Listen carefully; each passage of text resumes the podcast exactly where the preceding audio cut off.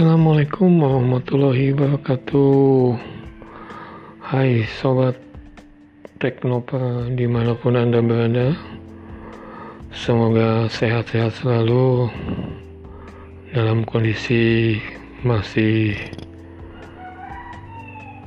mewabahnya COVID-19 ini. Tapi tidak menguruni niat Teknopa semua untuk terus kita bagi-bagi informasi mengenai uh, teknologi pendidikan dalam dunia pendidikan. Selamat menyaksikan. Nah, pada kali ini kita akan membahas mengenai sumber belajar. Apa sih sumber belajar itu? Pengertian, serta konsep dan karakteristiknya. Pengertian media dan sumber belajar. Pengertian media dapat diartikan sebagai perantara atau penghubung antara dua pihak, yaitu yakni sumber pesan dan penerima pesan. Sehingga media pembelajaran dapat diartikan sesuatu yang menghantarkan pesan belajar antara pemberi pesan dan menerima pesan. Sumber belajar diartikan sebagai segala sesuatu yang dapat digunakan untuk memfasilitasi, memfasilitasi kegiatan belajar.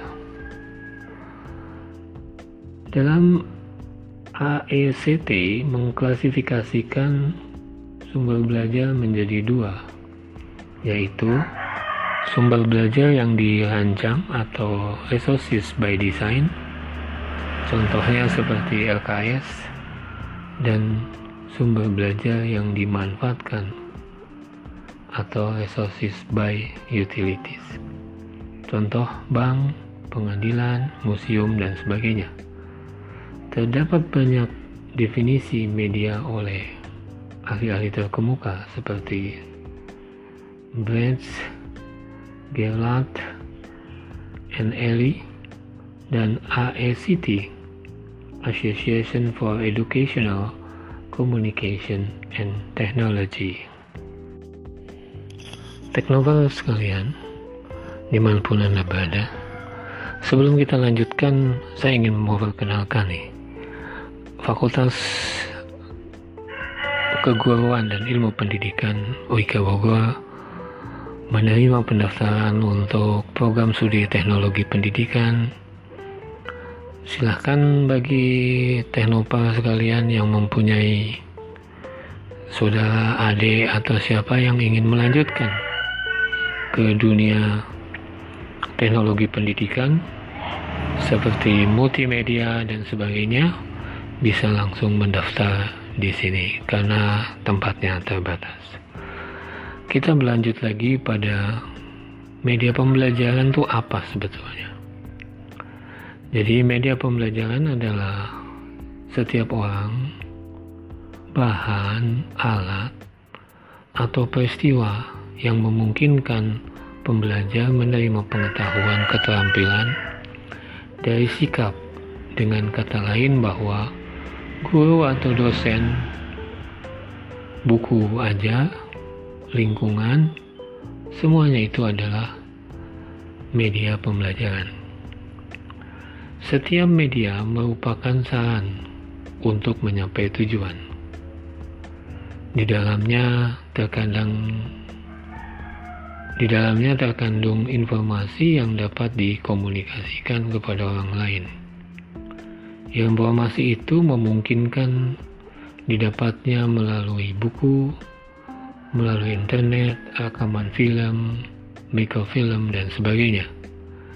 Media pembelajaran terbagi menjadi dua unsur, yaitu perangkat keras atau hardware dan perangkat lunak software.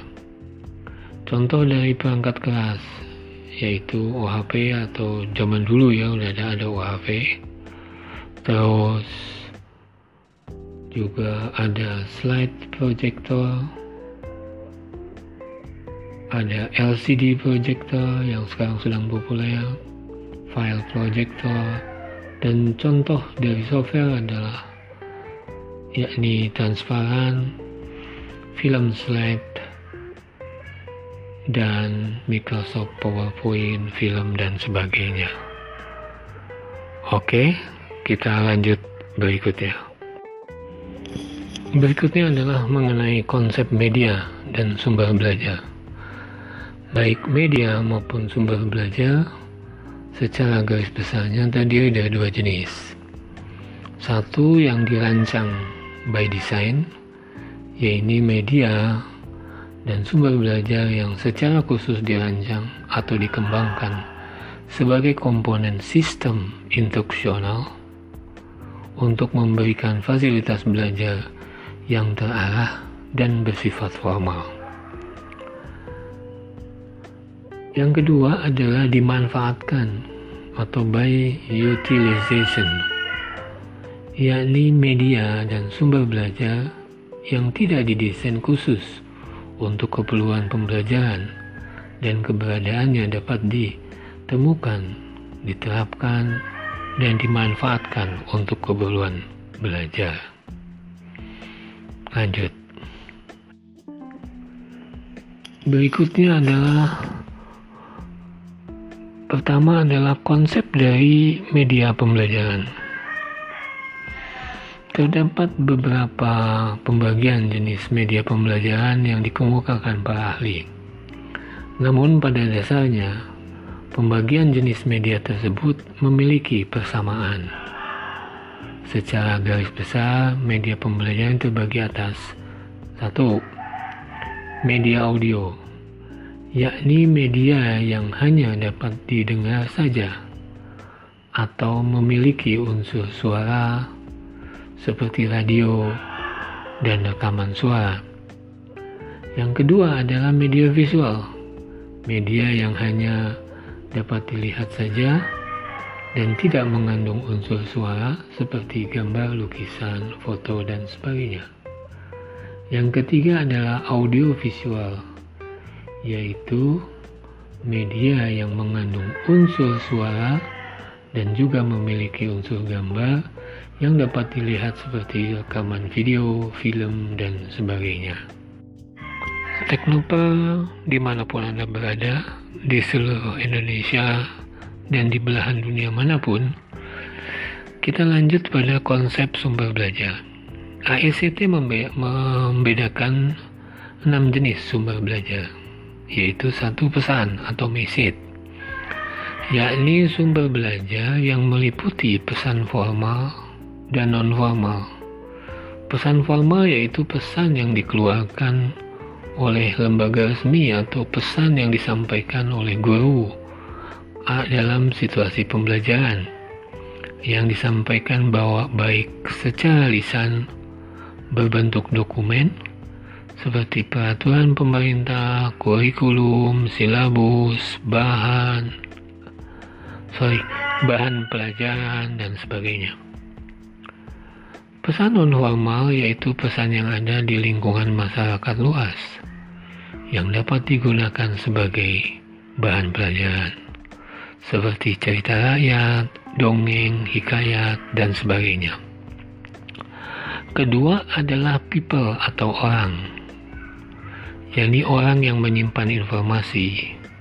Pada dasarnya, setiap orang bisa berperan sebagai sumber belajar, namun secara umum dapat dibagi menjadi dua, yakni orang yang didesain khusus sebagai sumber utama yang dididik secara profesional seperti guru, instruktur, konselor, widya suara, dan lainnya.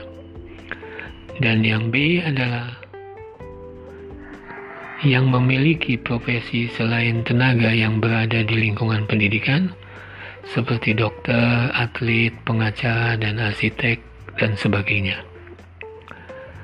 Bahan material yang ketiga adalah bahan material, yaitu format yang digunakan untuk menyimpan pesan pembelajaran seperti buku paket, alat peraga, transferan, film, slide, dan sebagainya. Oke, teknik di mana pun Anda berada,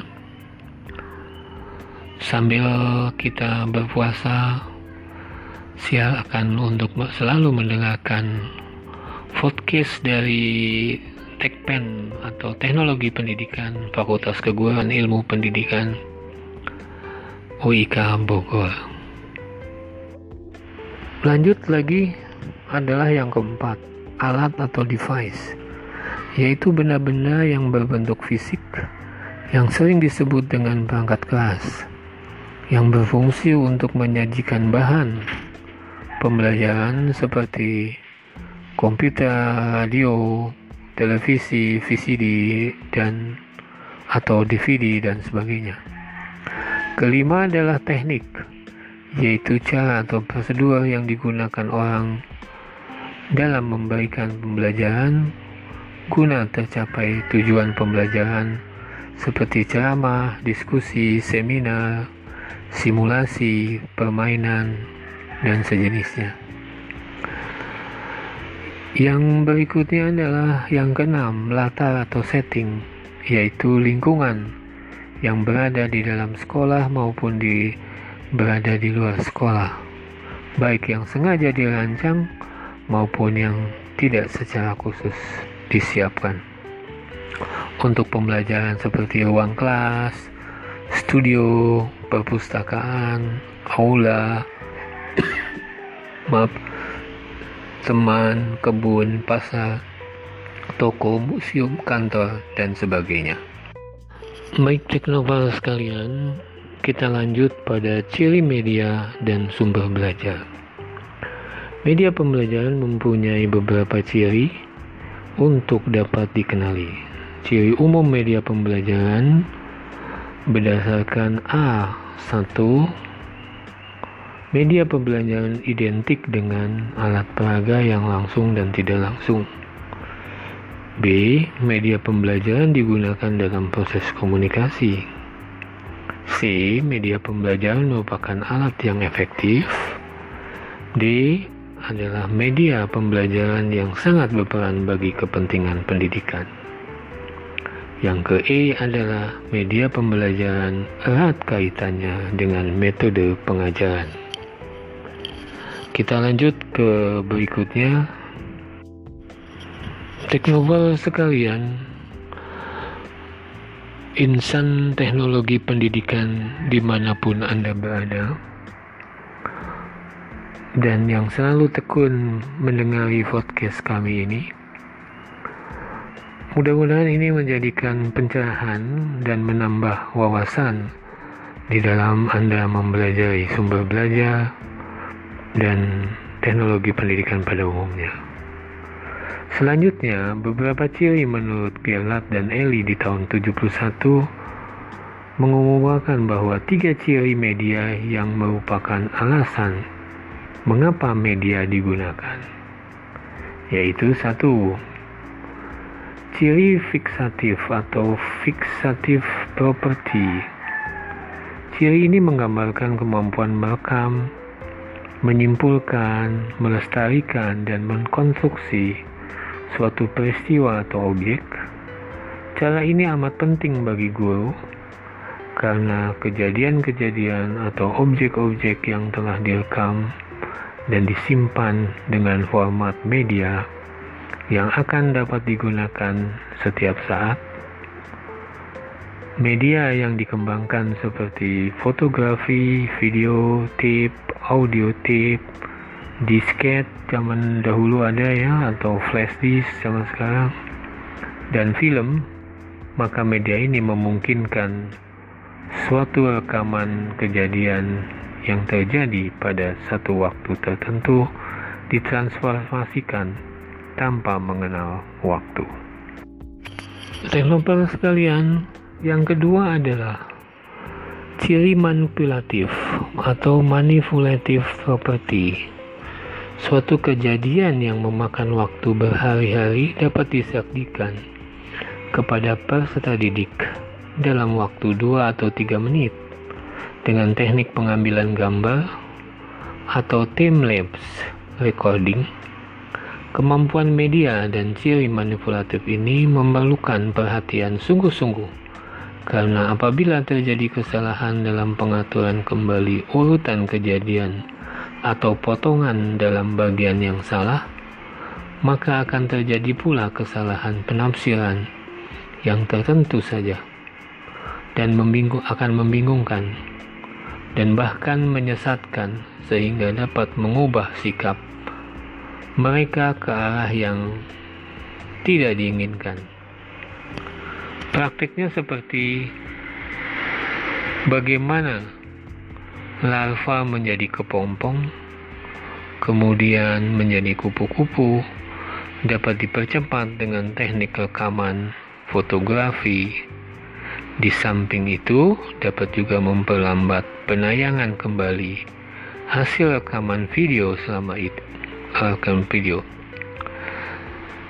Jadi selama ini diputar mundur misalnya proses loncat galah atau reaksi kimia dapat diamati melalui bantuan kemampuan memanipulasi dari media. Begitu pula aksi gerakan dapat direkam dengan foto kamera untuk foto. Dan pada rekaman gambar gambar hidup seperti video motion film kejadian dapat diputar mundur. Yang ketiga adalah ciri distributif atau distributif property. Ciri distributif dari media memungkinkan suatu objek atau kejadian yang ditransformasikan melalui ruang dan secara bersamaan kejadian tersebut disajikan kepada peserta didik dengan stimulasi pengalaman yang relatif sama mengenai kejadian itu.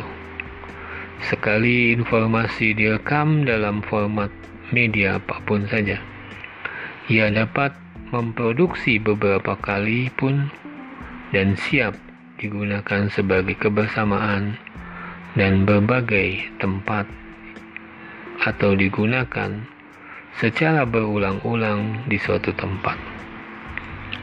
Konsistensi informasi yang telah direkam akan terjamin sama dan hampir sama dengan aslinya.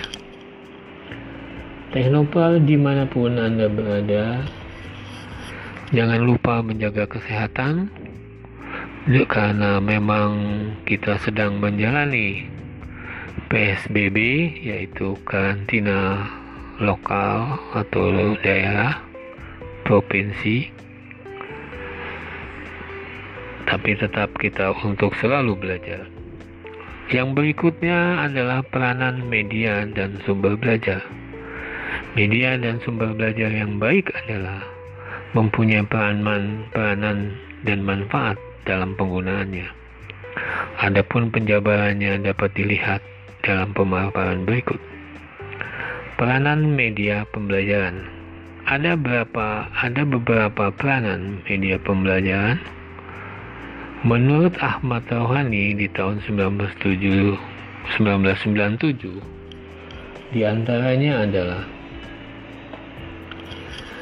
media pembelajaran mengatasi perbedaan pengalaman pribadi serta pengalaman pribadi peserta didik. Yang ke B, media pembelajaran mengatasi batas-batas ruang kelas. Yang C, mengamati benda yang terlalu kecil.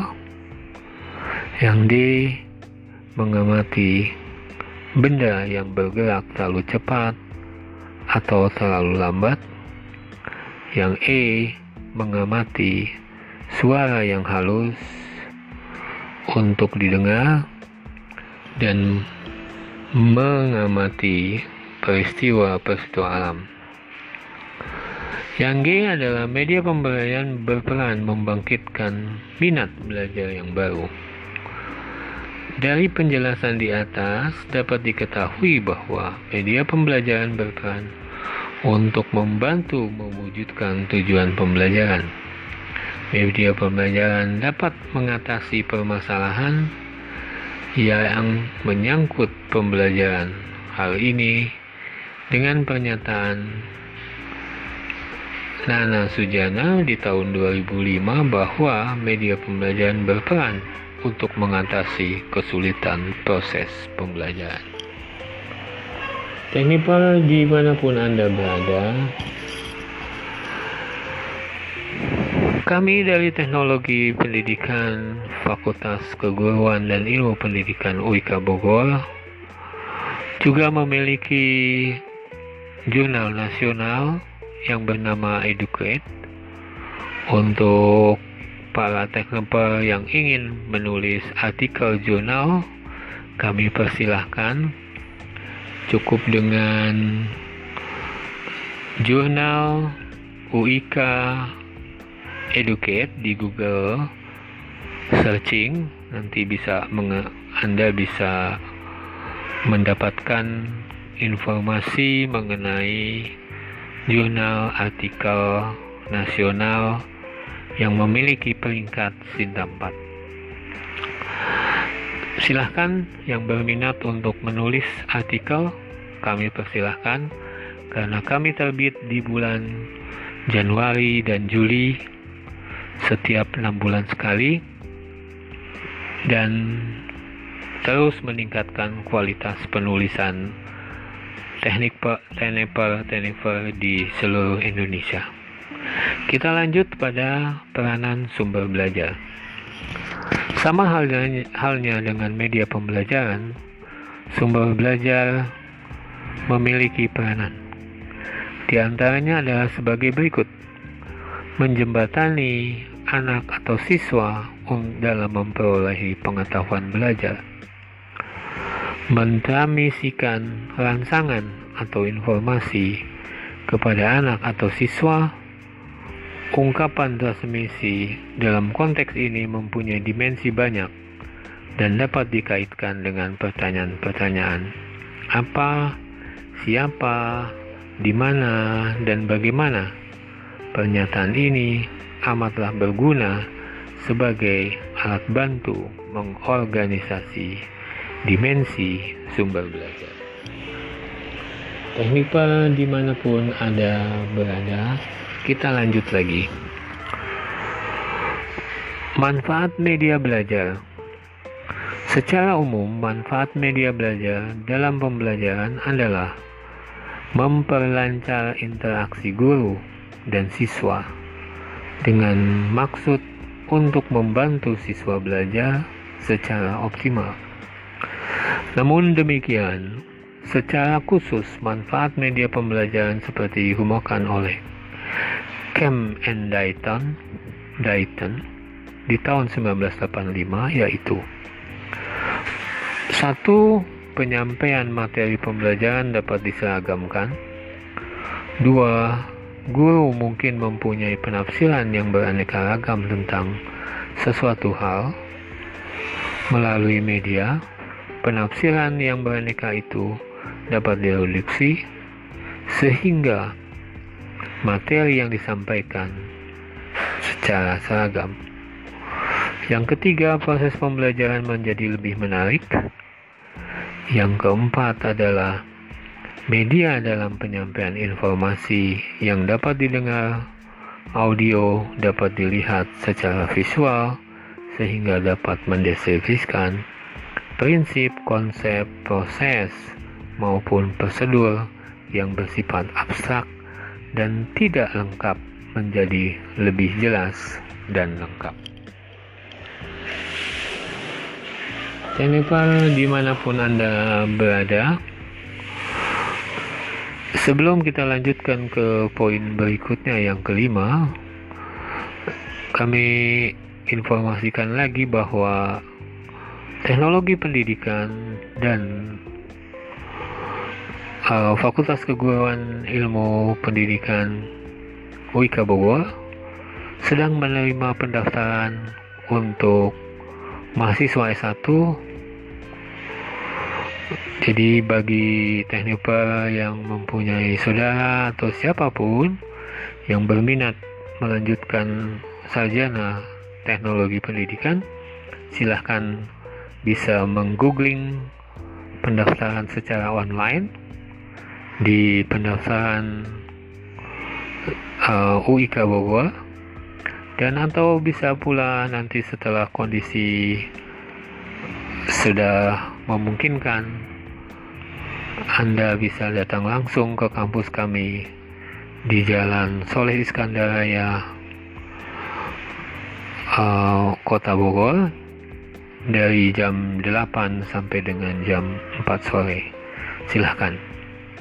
Kita lanjut lagi teknoper. Yang kelima adalah proses pembelajaran menjadi lebih interaktif. Yang keenam, jika dipilih atau dirancang dengan benar, maka media dapat membantu guru dan siswa melakukan komunikasi dua arah secara aktif. Tanpa media, guru mungkin akan cenderung berbicara satu arah dengan siswa. Yang ketujuh adalah jumlah waktu belajar dapat dikurangi. Yang kedelapan, serangkai menjadi ruang eh, menjadi para guru untuk dapat menghabiskan waktu menjelaskan materi aja, padahal waktu yang dihabiskan tidak perlu sebanyak itu jika mereka memanfaatkan media dengan baik. Yang sembilan adalah kualitas belajar siswa dapat lebih ditingkatkan ke-10 adalah menggunakan media tidak hanya membuat proses pembelajaran lebih efisien, tetapi juga membantu siswa menerapkan materi ajar secara lebih mendalam dan utuh. 11. Proses pembelajaran dapat terjadi di mana saja dan kapan saja. 12.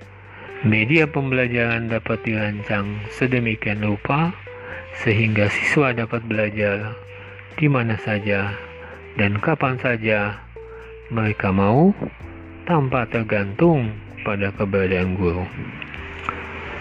Ke-13, sikap positif siswa terhadap proses belajar dapat ditingkatkan. Yang ke-14 adalah eh 13 adalah sorry, ke-14 adalah dengan media proses pembelajaran menjadi lebih menarik, hal-hal yang dapat ditingkatkan kecintaan dan apresiasi siswa pada ilmu pengetahuan dan proses pencarian ilmu.